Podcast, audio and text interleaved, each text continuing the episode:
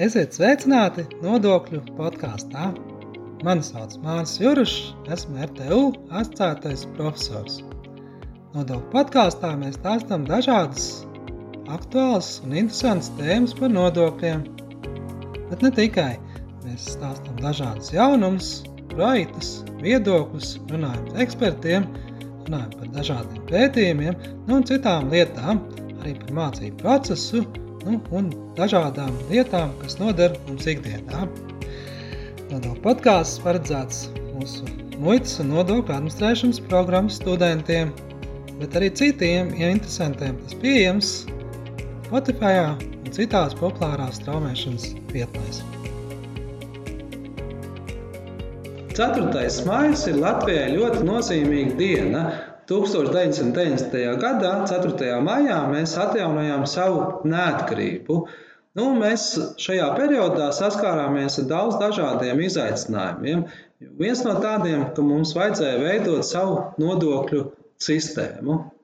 Par šo Latvijas neatkarības atgūšanas laiku, par izaicinājumiem, ar kuriem mēs saskārāmies, esmu aicinājis uz sarunu cilvēku, kas pats ir balsojis par Latvijas neatkarības atgūšanu, trīs zvaigžņu ordeņa komandieri, un pateicoties kuram mēs esam sasnieguši šos rezultātus, kādas mums tagad ir, un faktiski cilvēku, kas ir Latvijas neatkarīgas jā, nodokļu sistēmas viens no pamatlicējiem, Artūru Kodoliņu.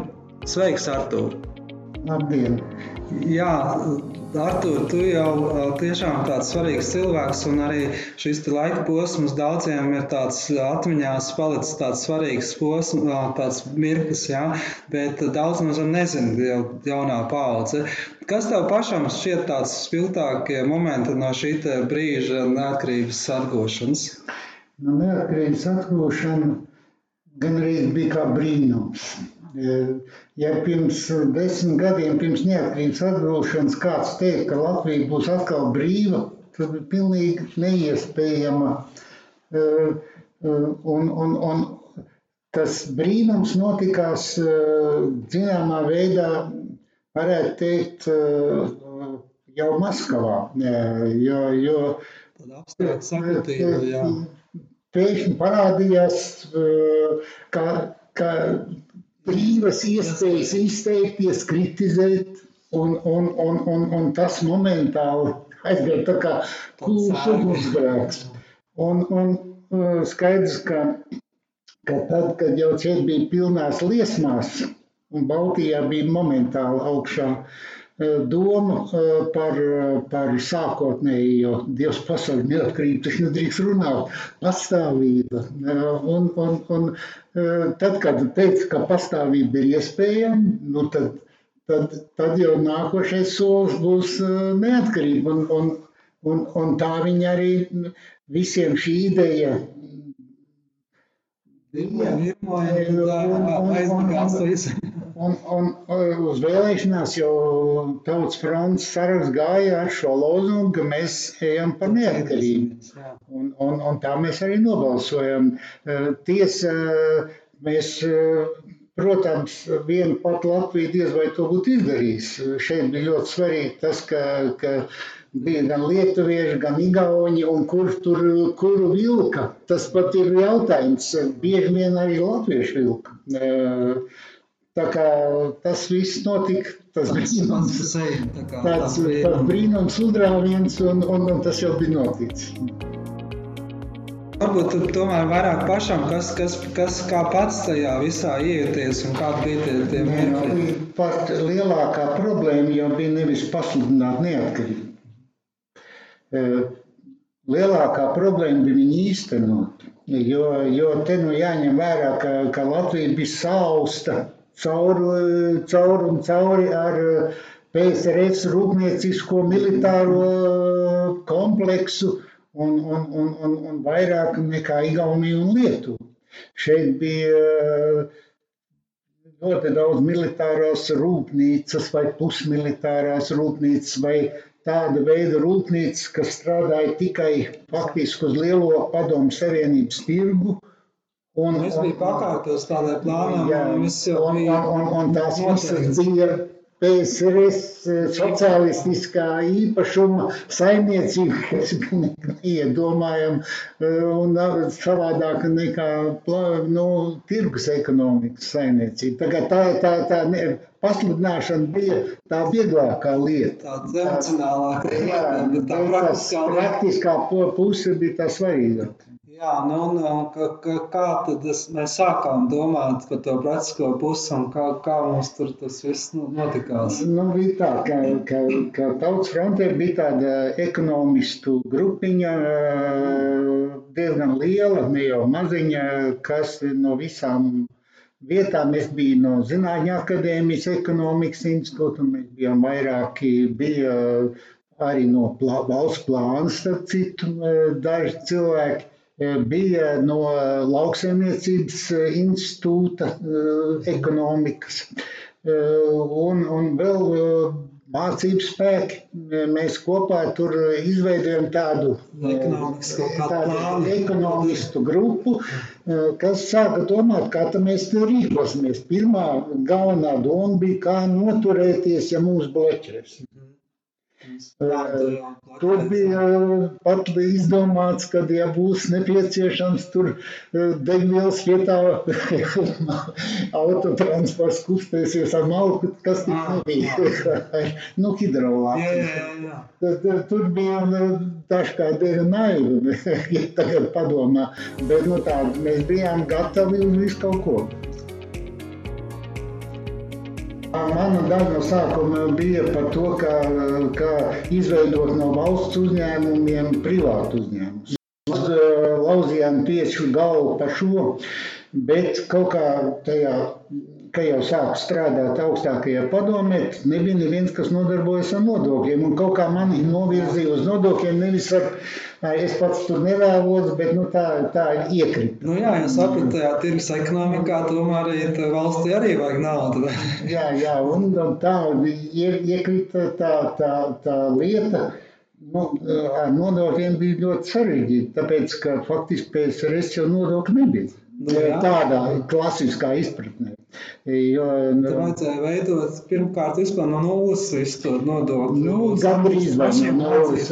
Vienīgais nodoklis, kas bija kā nodoklis, bija iedzīvotāja ienākuma nodoklis no algām. Un, un, un, un pārējie visi faktiski bija visādi atskaitījumi no peļņas. Apgrozījuma nodoklis bija uh, diktētās cenas sastāvdaļa, ko ielika vienkārši cenā un, un, un pārdeva. Un to skaitījās apgrozījuma nodoklis. Akcijas uh, arī bija cenas sastāvdaļa, kurā jau tika iestrādāts. Kā, lai to visu pār, pārtaisītu tādā Nu, jā. variantā, tur bija Tāda ņemšanās, tad jūs Jā. kaut kādā veidojat darba grupas un tad sākāt domāt. Un, Nu jā, nu tātad, eh, tur jau arī vai nebija tāda likuma, un tad vajadzēja izdomāt, kā tos likumus pieņemt. Jā. Un, un, Pirmā eh, gadā, tātad 90. gads pārgāja visu, visu gadu. Mēs dzīvojam faktiski vēl ar PSRS eh, regulējumiem, bet eh, uz gada beigām mēs pieņemam pirmo nodokļu paketu. Šī pirmā nodokļu pakete to izstrādāja ekonomikas ministrija. Tur bija ministrs Sāboliņš. Un, un, un, un, un, un Blinovs bija tas departamenta vai nodaļas vadītājs, kas ar nodokļiem nodarbojas. Un, un tad mēs, viņi atnesa tos pirmos uzmetumus uz, uz, uz eh, augstāko padomu. Viņi bija ļoti zaļi, jāatzīst. Un, un tad eh, nodibināja darba grupas par katru nodokli.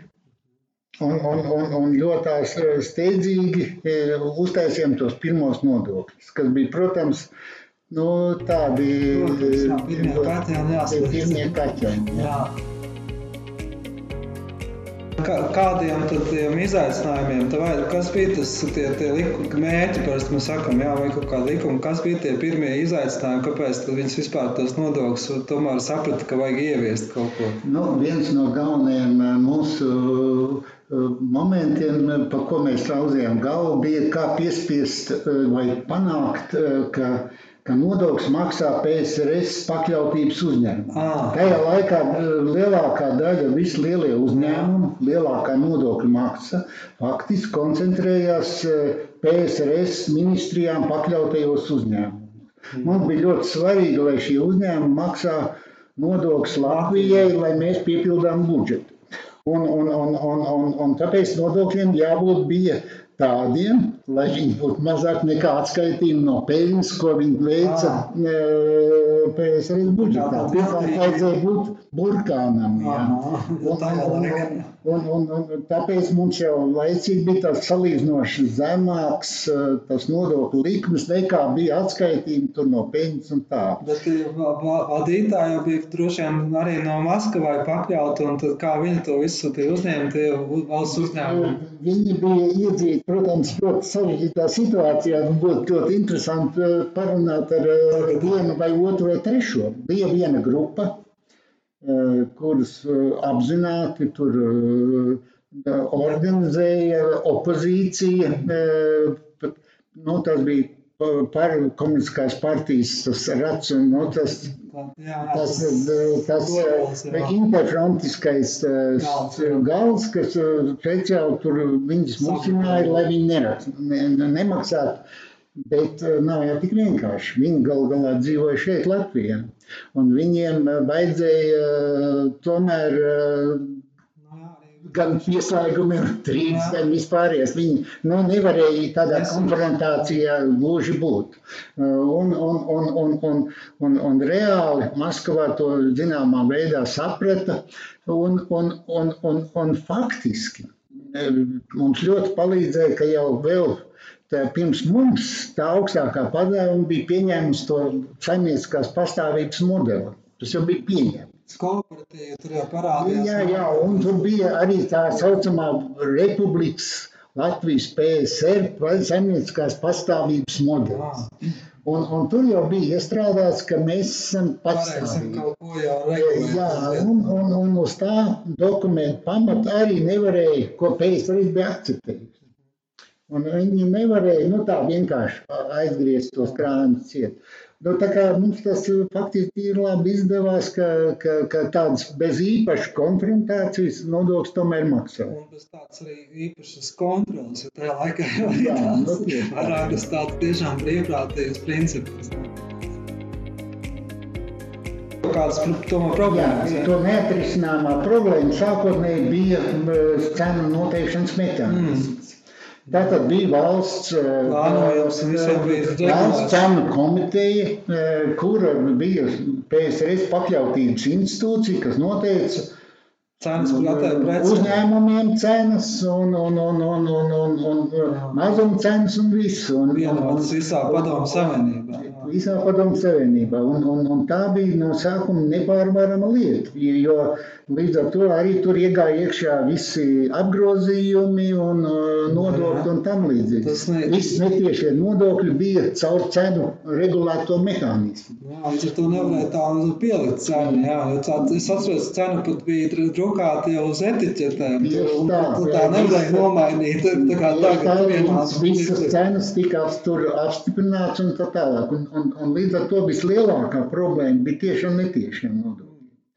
Un, un, un, un, un, protams, ka lielākā revolūcija notika pēc gada, tad, kad arī aizgāja lielie, lielās nepatikšanas ar, ar barikādiem, kuras izraisīja no vienas puses arī tas, ka, ka, ka bija viegli sabuntot interfrontisku noskaņotos cilvēkus un ne tikai, jo, jo, jo sākās cenu brīvlaišanas cilvēkiem bija pieraduši tā. Un, un cenas, protams, uzliek augšā. Sākotnēji, protams, bija tas.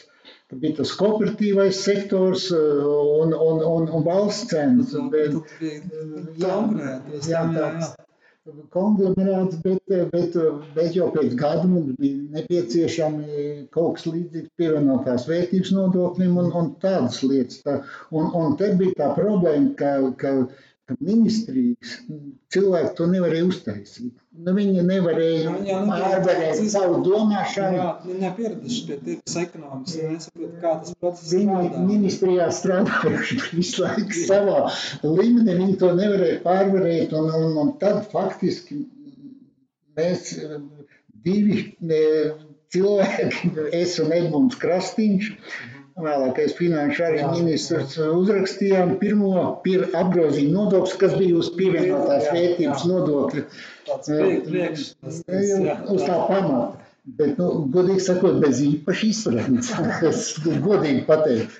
Jo, jo pēc tam, kad sākās tie jautājumi, Mēs bijām eh, ļoti daudz, nu, PVN, kā zināms, ir ļoti daudz nianses. Uh, vis, visādās, uh, gan kur sākās apdrošināšanas, banku sfēras, aizdevumi, ķīlas un, un, un jautājumu, jautājumu, un sevišķi, kur atbrīvojumu un, un kuros gadījumos. Nu, nu, tas bija ļoti labi. Sākums parasti, kad paskatās tos sākotnējos likumus, viņi tiešām tādi nu, tagad ļoti vienkārši liekas. Jau uz pāris lapām, zina, ka akcijas likums vispār bija trīs panti, ja akcijas nodoklis degvielai, tur viens, tas, viens santīms, vēl pat nebija santīmi, jau viss, un visiem viss bija skaidrs. Ja, tagad, tagad tas likums tik karš, ka viens neko vairs nesaprot, vai ne? Tā kā tā, tā, tam laikam bija jāiziet cauri, ka tāds tā kā kaut nu, ko jāsāk. Tā, tā, tie likumi bieži vien apaug savukārt ar instrukcijām, un kas nemaz nebija īstas.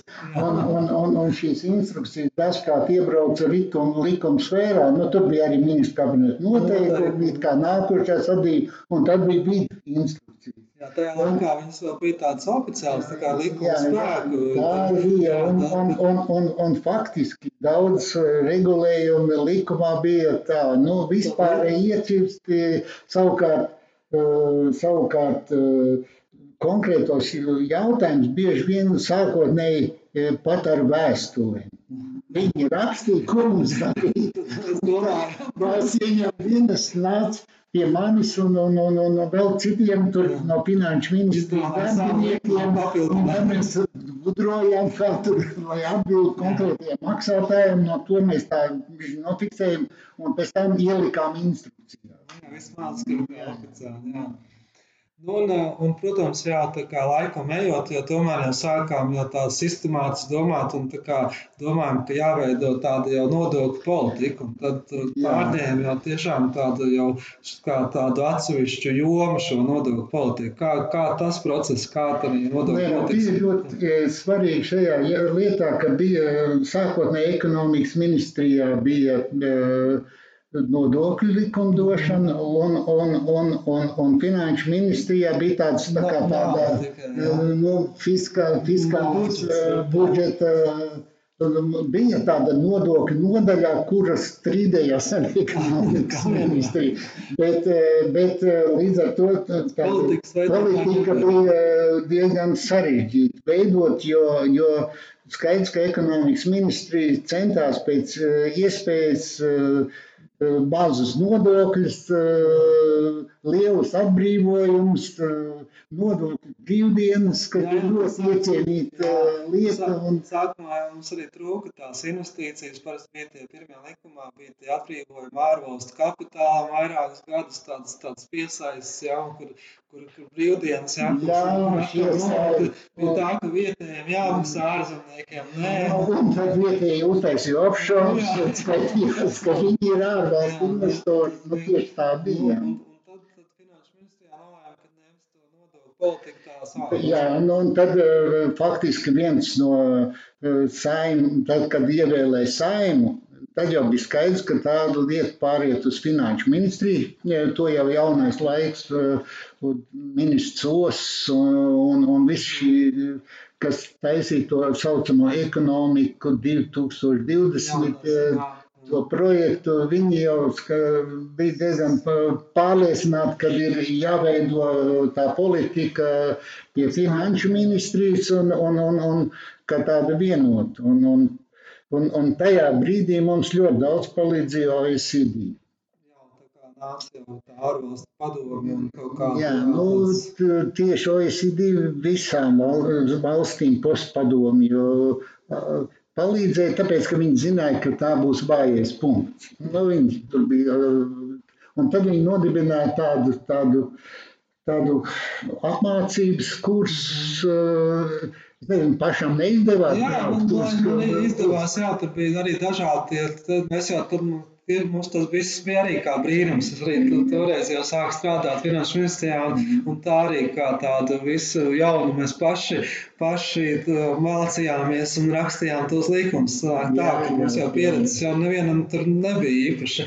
Un tad, protams, tas laiks, jā, mēs ļoti skatījāmies tiem mājasemniekiem un tā, viņus tā kā tāds dievs uztvērām, ka to kaut kādas vai gudrās idejas. Tagad mēs jau ā, paši, liekas tā mazliet smieklīgi, mēs jau paši mācām citas, jā, bet toreiz, protams, nu, dzīvojot tajā aiz baras, mēs neko tādu nebijām piedzīvojuši. Jā, Nu, tas jā. bija droši vien palīdzības tāda vērtīga, jā. Bet viens no mūsu tām, tām eh, idejām eh, bija valsts ieņem viens Kostuškos, un viņam Jā. radās ideja parunāt ar OECD, vai viņi nav ar mieru mums tādu, Pastāvīgi kā, tādu tā, būt kā kuratoriem jā, kā mūsu. ekspertiem tādu, jā. Viņi, eh, par cik tādi vēl nebija, neviens pie viņiem prasīs, viņi ar lielu prieku, jo viņi uzskatīja, ka viņi līdz ar to paši arī Iesaistās. iesaistās un apgūst to problemātiku. Un, un, un, un mums tiešām palīdz eh, izveidot tādu ekspertu eh, grupiņu, kas mums palīdzēja. Mēs braucām pie viņiem, eh, viņi atbrauc pie mums, un, un tā mēs faktiski izveidojam šo, šo komandas tādu, jā. jā, tādu uh, komandu, uh, kura izstrādāja šo nodokļu reformu, kur jau pieņēma nodokļu paketi, kas liekos vilcienos pastāv līdz šeit. Tieši tā, tas ir 95. gads kur Jā, tajā. jā, tā, tā ir tā tajā- pakete, kura jā, lielos vilcienos uh, Faktiski pastāv mēs līdz tieši šeit. tā, jo, tieši Jā. tā, jo tad jau mēs jau bijām tik moderni tajā laikā, bet dabas resursu nodoklis mums šī gāja, ka gan mazliet nobīda tur, bet, nu, mēs jau tajā laikā jau baigi tādas, nu, tādas ļoti ilgspējīgas lietas tur paredzējām un tur sapratām, tur jau uzņēmumu ienākumu nodoklis un peļņas un citas lietas. Tas bija tāds, tāds, tāds atskaites punkts, var ne? Pirms tam jau Jā, tāds nu. prie, priekšspēja, var teikt. Un, nu, jāatzīst, ka tiem ekspertiem tas arī bija milzīgi patīkami. kaut kur taisīt nodokļus. Jo, jo mums jau piedāvājumi bija daudz, arī bija tādi vācieši, kas te brauca. Jā, Visi gribēja kaut kur, jā. kaut kur, kaut kur to, to, to būt pie, tās jaunredzes. Un, un, un, un tā eksperta grupa arī, nu, viņi jau ar to lielāko prieku pie to, to strādāja, un viņi centās ielikt tādas progresīvas lietas iekšā. Nu, es uzskatu, ka, ka dažas no lietām tiešām bija progresīvi, nu, kaut vai tas mūsu uzņēmuma ienākumu nodoklis, kurš balstījās nevis uz finanšu eh, nodokļu atsevišķu grāmatvedību, bet uz finanšu, finanšu grāmatvedību, ar, jā, tā kas ar, palīdz ar zināmiem koeficientiem un, un ar zināmiem mehānismiem tika transformēta uz uh, ar nodokļu apliekamā ienākuma aprēķinu. Jā, tas 95. gadā mēs jau arī tādu, var teikt, tas tāds arī jau sākām tādas nodokļu politikas eh, turpmākos plānus vīzijas. Faktiski, tā, pirms tam jau bija tāda atsevišķa likuma, un tad jau mēs tā kā tādu paketi jau sapratām, wow, kāda tā mūsu nodokļu politikai jābūt. Ka, kas bija tie tādi tie uzstādījumi, vai ka- kas, ko tu mēs tā kopumā kompakts Nu, skatoties? viens no mūsu, tas, ko mēs visi centāmies panākt, tas bija vienkāršība. Nu, jā, tas, Eh, Tas bija jautājums, kurš eh, bija ļoti svarīgi, zinot, zinot ka, ka, ka, ka nu, lielākā daļa cilvēku ir, kas būs grāmatveži, visi viņi ir, nāk no padomu sistēmas. Un, un, un eh, skaidrs, ka tajā brīdī arī paralēli bija ļoti smags darbs, kā izveidot pareizu finanšu grāmatvedību. Bet, nu, bet, jā, bet, bet pārmaiņas nāca tādas ļoti daudz tajā brīdī, un arī tiem grāmatvežiem jau, kas sāka tajā privātā patās, bija ļoti liels grūtības. Un ne tā vienkārši. Viena no lielām grūtībām bija tas, ka mēs pieļāvām kļūdas tomēr, un, un, un, un, un ļoti bieži mainījām, labojām kļūdas un bieži grozījām likumus. Nu, tas bija varbūt, ka, ka, ka ja es pats apakaļ skatos, ka mans lielākie fēleri ir tieši tie, ka es pārāk bieži skrēju mainīt. Jā, bet, zin, tur jau tā ekonomikas vieta, tas viss tik dinamiski attīstījās un mainījās un visādas lietas. Jā, tas pat tos krāpšanas. Nu jā, Bet kaut kā jau tika pār, tas, manuprāt, tajā laikā cilvēki arī uz tās neatkarības atgūšanas fonda daudz ko savienās. Viņi domā, nu labi, grūtības, bet kaut kā tiksim pār. Tagad, jebkura tāda izmaiņa, manuprāt, visam tādas reizes vēl emocionālāk sāpīgāk. Nu, jā, jā, bet, nu, teiksim, skaidrs gaiši, ka, ka daudz lietas Faktiski daudz uzņēmums iedzina arī. Nu, nē, nu, kaut vai tāpat milz inflācija. Un, un, un, un, un, un šī jautājums bija par tai pašā, līdz ar to nereālā peļņa. It kā peļņa ir, bet reāla, re, reāli šī peļņa nav, jo, jo lai palaist jauno ciklu, ir vajadzīgi ienākumi. Nu, bet tā bija laikam tā, tā problēma, ka mēs jau to nodokļu sistēmu veidojām uz to tirgus, bet faktiski mēs atradāmies tādā pārējais posmā, kad viņa neatbildēja. Tieši tā, ja inflācija ir vairāk simt procentu gadā, tad, tad, tad, tad, jā, tad tur, nu, nu, protams, jā. Bet, bet kas vēl mēs jau toreiz sapratām, jā, kad uh, austrumiem nē, kad mēs skatāmies vairāk uz rietumiem, uz tām lielajām valstīm, un kas bija tie nodokļu politikas vēl tādi uzstādījumi, ko mēs tā kā jau tajā laikā sapratām. Nu, nu mēs droši orientējamies uz, uz tādu nodokļu sistēmu, kāda ir, nu, visās, visās jā, jā, mūsu izpratnē bagātās valstīs. Jā, jā, tas bija tas jau, jā vēl jau tajā arī brīdī mēs pat uh, par Eiropas Savienību kā tādu arī vēl nedomājam. Pēc tam jau nu, sāka. sāka domāt 95. un 94. gads. Jā, bet vēl tā, tā vairāk tici, ka saprotam, ka ir tāda, jā, un tur gribam, bet faktiski tā nodokļu tāda jau pārmaiņa jau bija vēl, vēl sekoja. Eiropas Savienība. Nu, jā, jā, protams.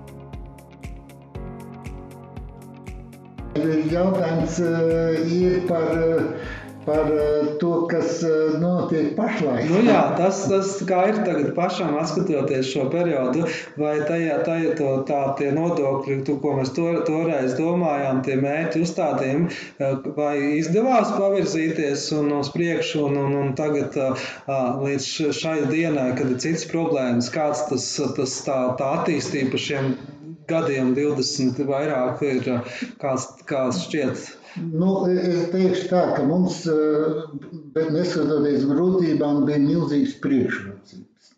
Un priekšrocība bija tāda, ka, ka, ka faktiski nodokļu reformu virzījām mēs nu, teiksim, tagad saka ierēģi. Nu, nu, vienmēr sakot, cilvēki, kas uh, bija finanšu ministrijā un, un, un, un, kodols, jā, kas tur tā komanda, jā, un, paši. Un, un, un, ko mēs iesaistījām kā ekspertus uh, gan no OECD, gan no šeit. Jā, pulcē, pulcējām šeit eksperts un, un, un, un tajā brīdī politiķi nediktēja Nu, viņam nebija tik zinoši un tādi profesionāli pieredzējuši. Viņiem bija ar laiku notika, protams, pārbīde. Tas sākās diezgan krasi atceros to, to laiku, kad sāka politiķi diktēt nodokļus. Tas bija šķēlis, kad šķēlis bija finanšu ministrs. Viņi saprata, ka to var izmantot politiski. Un dažkārt tā politika, nu, viņu bija tā, ka es faktiski nolēt tajā brīdī es arī sāku domāt, ka jāiet prom, jo, jo, jo mēs īstenībā nevaram vadīt to procesu. Jā, jo tas process paliek nu, tāds apmēram, ka, ka nu, protams, no vienas puses tas ir loģiski. Politiķis tiešām nosaka nodokļus, bet, bet kādreiz ir jāsaprot arī tas, ka, ka ka nu, kādam ir tomēr jābūt izpratni par kopējām nodokļu lietām. Un, un, un skaidrs, ka tajā brīdī ir, radās nu, milzīgas arī disproporcijas. Nu, kaut vai tas, ka iedzīvotāji ienākumu nodokļi tajā brīdī nebija aplikta nodokļiem, ne dividendes, ne, ne kapitāla pieaugums, ne, ne vienāds sakot, tā nodokļu bāze bija šaura. Bet sākumā to paskaidro, nē, mums vajag piesaistīt kapitālu, mums tur vajag investīcijas. Jā, nu, protams, tas viss ir. Tad, kad piesaistīt, tad mēs tā kā vairs negribējām, nebijām gatavi to tā kā aplikt. Un tad, tad tas vilkās tāda tāda. Nu, jā, un, un kaut vai tie, ko apšaubāmie dāvinājumi, kas bija neierobežoti, un, un, un tad rodās visādi vekseļi aizdomīgi. Un, nu, teiksim, skaidrs gaiši viena no tām situācijām, kur, kur bija cīņa ar politiķiem, tas ir jautājums tieši par nodokļu bāzi. Jo, jo skaidrs, ka man, manā izpratnē tā, tā nodokļu bāze bija pa šauru, lai mēs varētu sabalansēt uh, tos nodokļus tā, lai tie nodokļi nav pārāk augsti un tomēr dod pietiekoši daudz budžeta ieņēmumu. Nu, kā, kā tavuprāt šobrīd izskatās šī nodokļu politika? Kā, kā tagad, ko tavuprāt ir, kas vēl būtu jādara, vai kāds būtu tavi ieteikumi nākamajiem politikas veidotājiem? Nu, skaidrs, ka, ka nodokļu sistēma paliek sarežģītāka, un tas ir loģiski. Bet, manuprāt, ir ieviesti vairāki mehānismi, kas ir sarežģīti un neataisno sevi. Nu, kaut vai tas pats diferencētais neapliekamais minimums. Jā, jā, ja cilvēki vai nezina, kāds būs nodoklis, Un, kad es deklarēšos, vai man būs jāmaksā klāt, vai būs jāsaņem apakaļ, no, tas, tas ir pilnīgi ne, neiespējami. Tas neiet kopā ar tādiem nodokļu pamatprincipiem, ka mums jāzina jau visus priekš. Mums pasaka, nu, protams, tā, cilvēki jā, orientējās uz jā, to, ka... Viņi zina, ka tas būs slikti, bet viņi zina. Bet tagad šī situācijā tiešām sanāk tā, tā doma jau varbūt ir labi, jā, bet tas izpildījums nu, nekam nedara, manuprāt. Manuprāt, arī jā, ka, ka, ka tā Pirmā lieta, kas būtu, ir, ir šur un tur jāvienkāršo. Jā. Un, un, un, un, un, un, jo kā to arī tas, droši vien arī tas vairāk būtu pieņemams cilvēkiem. Jā, atkal mēs varbūt tur no citiem tiem mērķiem, varbūt kādam liksies, oh, nē, kādam jau varbūt tas labi, tagad diferencētais vai, bet no tās sarežģītības atkal, nu, tas visu to atkal, nu, mums bremzē tās, un ja cilvēkam tas nav pieņemams nodokļu maksātājiem, tas arī tas nozīmē, ka mums kaut kas jāmaina, gribot, negribot. Jā, nu es domāju, ka tā ir viena no tām lietām. Mm -hmm. Un vispār iedzīvotāju ienākumu nodoklis kā pirmais faktiski 93. gadā, ja pareizi atceros, pieņemts. Un viņš jau pēc tam lāpīts un lāpīts. Tas joprojām tas likums vienīgais, kas jā, ir tā laika, ne? Viņš ir kā prasās pārrakstīt. Arī kaut vai ir pārrakstīt, arī valoda tur tā, vai ne? Tie pārējie likumi ir pa jaunu pie izdoti, jā, bet šitais tiešām iestāsts vēstures. Tas ir likums, kas, kas apbrīnoja ilgi izdzīvotājs, jā. Nu, jā, varbūt vēl, kas vēl tāds no tādas politikas veidot, veidotājiem, procesiem? Vai... Es, ne, ne, es teikšu tā, ka, ka es pārāk neaizraujos jā, protams, ar, pietiek, ar, ar, ar, ar padomu došanu. Tas ir tādas lietas, kas man tieši iekrīt acīs. Es domāju, ka, ka visā visumā ne, mūsu problēmas Latvijā nav nodokļi. Ir citas problēmas, daudz aktuālākas nodokļi. Un arī tās problēmas, kas mums ir, varbūt nevajadzētu risināt ar nodokļiem, kā mums tas bieži pieņemts. Vai ne? Varbūt ir citas alternatīvas. Mums bieži vien tie nodokļi tā kā tāds, nu, oh, tagad mainām nodokļus, jo tas, tas jārisina. Varbūt, ka citi, citādi mēs to varam risināt. Nu, Gudīgi sakot, pagaidām man patīk, kas man tiešām patīk, tas ir, ka reti maina. Jā, jā, pēdējos gados mēs to varam teikt. Jā. Un, un, un, un, un jo stabilāka ir nodokļu sistēma, manuprāt, jo labāk. Ja, ja Izraēla Jā, vienkārši tur, kur nevajag sarežģījums, un, un, un viņi būtu vairāk izprotami, es domāju, ka lielos vilcienos šobrīd viņi būtu pat pieņemami. Jā, viss ir tā kā pierasti, visi iemācītos tur rēķināt un tādu, kas, kas ir tāds, nu, jau ikdiena. Bet tur, kur tas, tur, kur tas neapliekamais, jau viņš jau katru gadu mainās, un tur pat īsti nevar pierast. Tev visu laiku sanāk Nu, tāds. ir viens, vien, vienas eh, lamatas, kurās, manuprāt, ļoti daudz uzņēmumu ir tuši mazie. Tas Jā. ir dividends. Nu, jā, Tas ir tāds, cik ir dividends aplikts ar nodokli. Tad, eh, tad eh, daudz uzņēmēji neizmaksāja oficiāli dividends, aizņēmās no kases naudas un tam līdzīgi. Un, un, un, un tas damoklis zobens, manuprāt, ir daudziem uzņēmumiem eh, uz galvas, tāpēc, ka vienkārši nav maksāti nodokļi par dividendiem, kaut gan reāli nauda ir izņemta no uzņēmuma. Nu, jā, tās, tas arī vēl tā, tā, protams, Latvijas tāda arī sāpe lielā par tādu izvairīšanos, dažādu šo schēmošanu, ko, ko Tā mēs... pat nav skēmošana, tā ir tā kā saka, problēmas atlikšana. jā, jā. Ja, ja var atlikt problēmu, tad viņu tiek atlikt. Tas ir uh, cilvēcīgi. Jā. Un, un, un, un, un vienmēr radās nepieciešamība pēc līdzekļiem. Nu, faktiski tā, cik es saprotu, tad, uh, tad, tad pieci gadi tā varēja darīt, un, un šobrīd ir nonācis uh, uz situāciju, kur, kur jau, jau, jau, jau tas paliek nopietni. Jā, šajā nodokļu podkāstu epizodē mēs saskatījāmies tādu vēsturisko aspektu, kā tad mēs to nodokļu politiku veidojām tālajā 90. gados, kā mēs atguvām to neatkarību un kādiem izaicinājumiem mēs saskārāmies. Protams, tas bija sarežģīts laiks mums visiem, bet nu, tā veiksmīgi tikām pāri un izveidojām arī faktiski savu nodokļu sistēmu, kas pa lielam strādā arī šobrīd. Ja? Ir varbūt trūkumi, mēs viņu gada griezumos esam pilnveidojuši, bet, protams, jā, mums jāatcerās tas, tas laiks un tie nā, izaicinājumi, kas mums bija. Un, protams, jāsaka paldies arī tiem cilvēkiem, kas to visu darīja. Un viens no tādiem ir arī Arturs Kodoliņš. Teiksim viņam paldies par šodienas sarunu. Paldies jums! Paldies, ka klausījāties mūsu nodokļu podkāstu. Ja tev interesē arī citas epizodes no mūsu nodokļu sarunām, tad meklē mūsu Spotify vai kādā citā populārā strāmošanas vietnē. Atsauksmes sūta mums e-pastā māris.cirus at rtu.lv. Tā, līdz nākamajai reizei!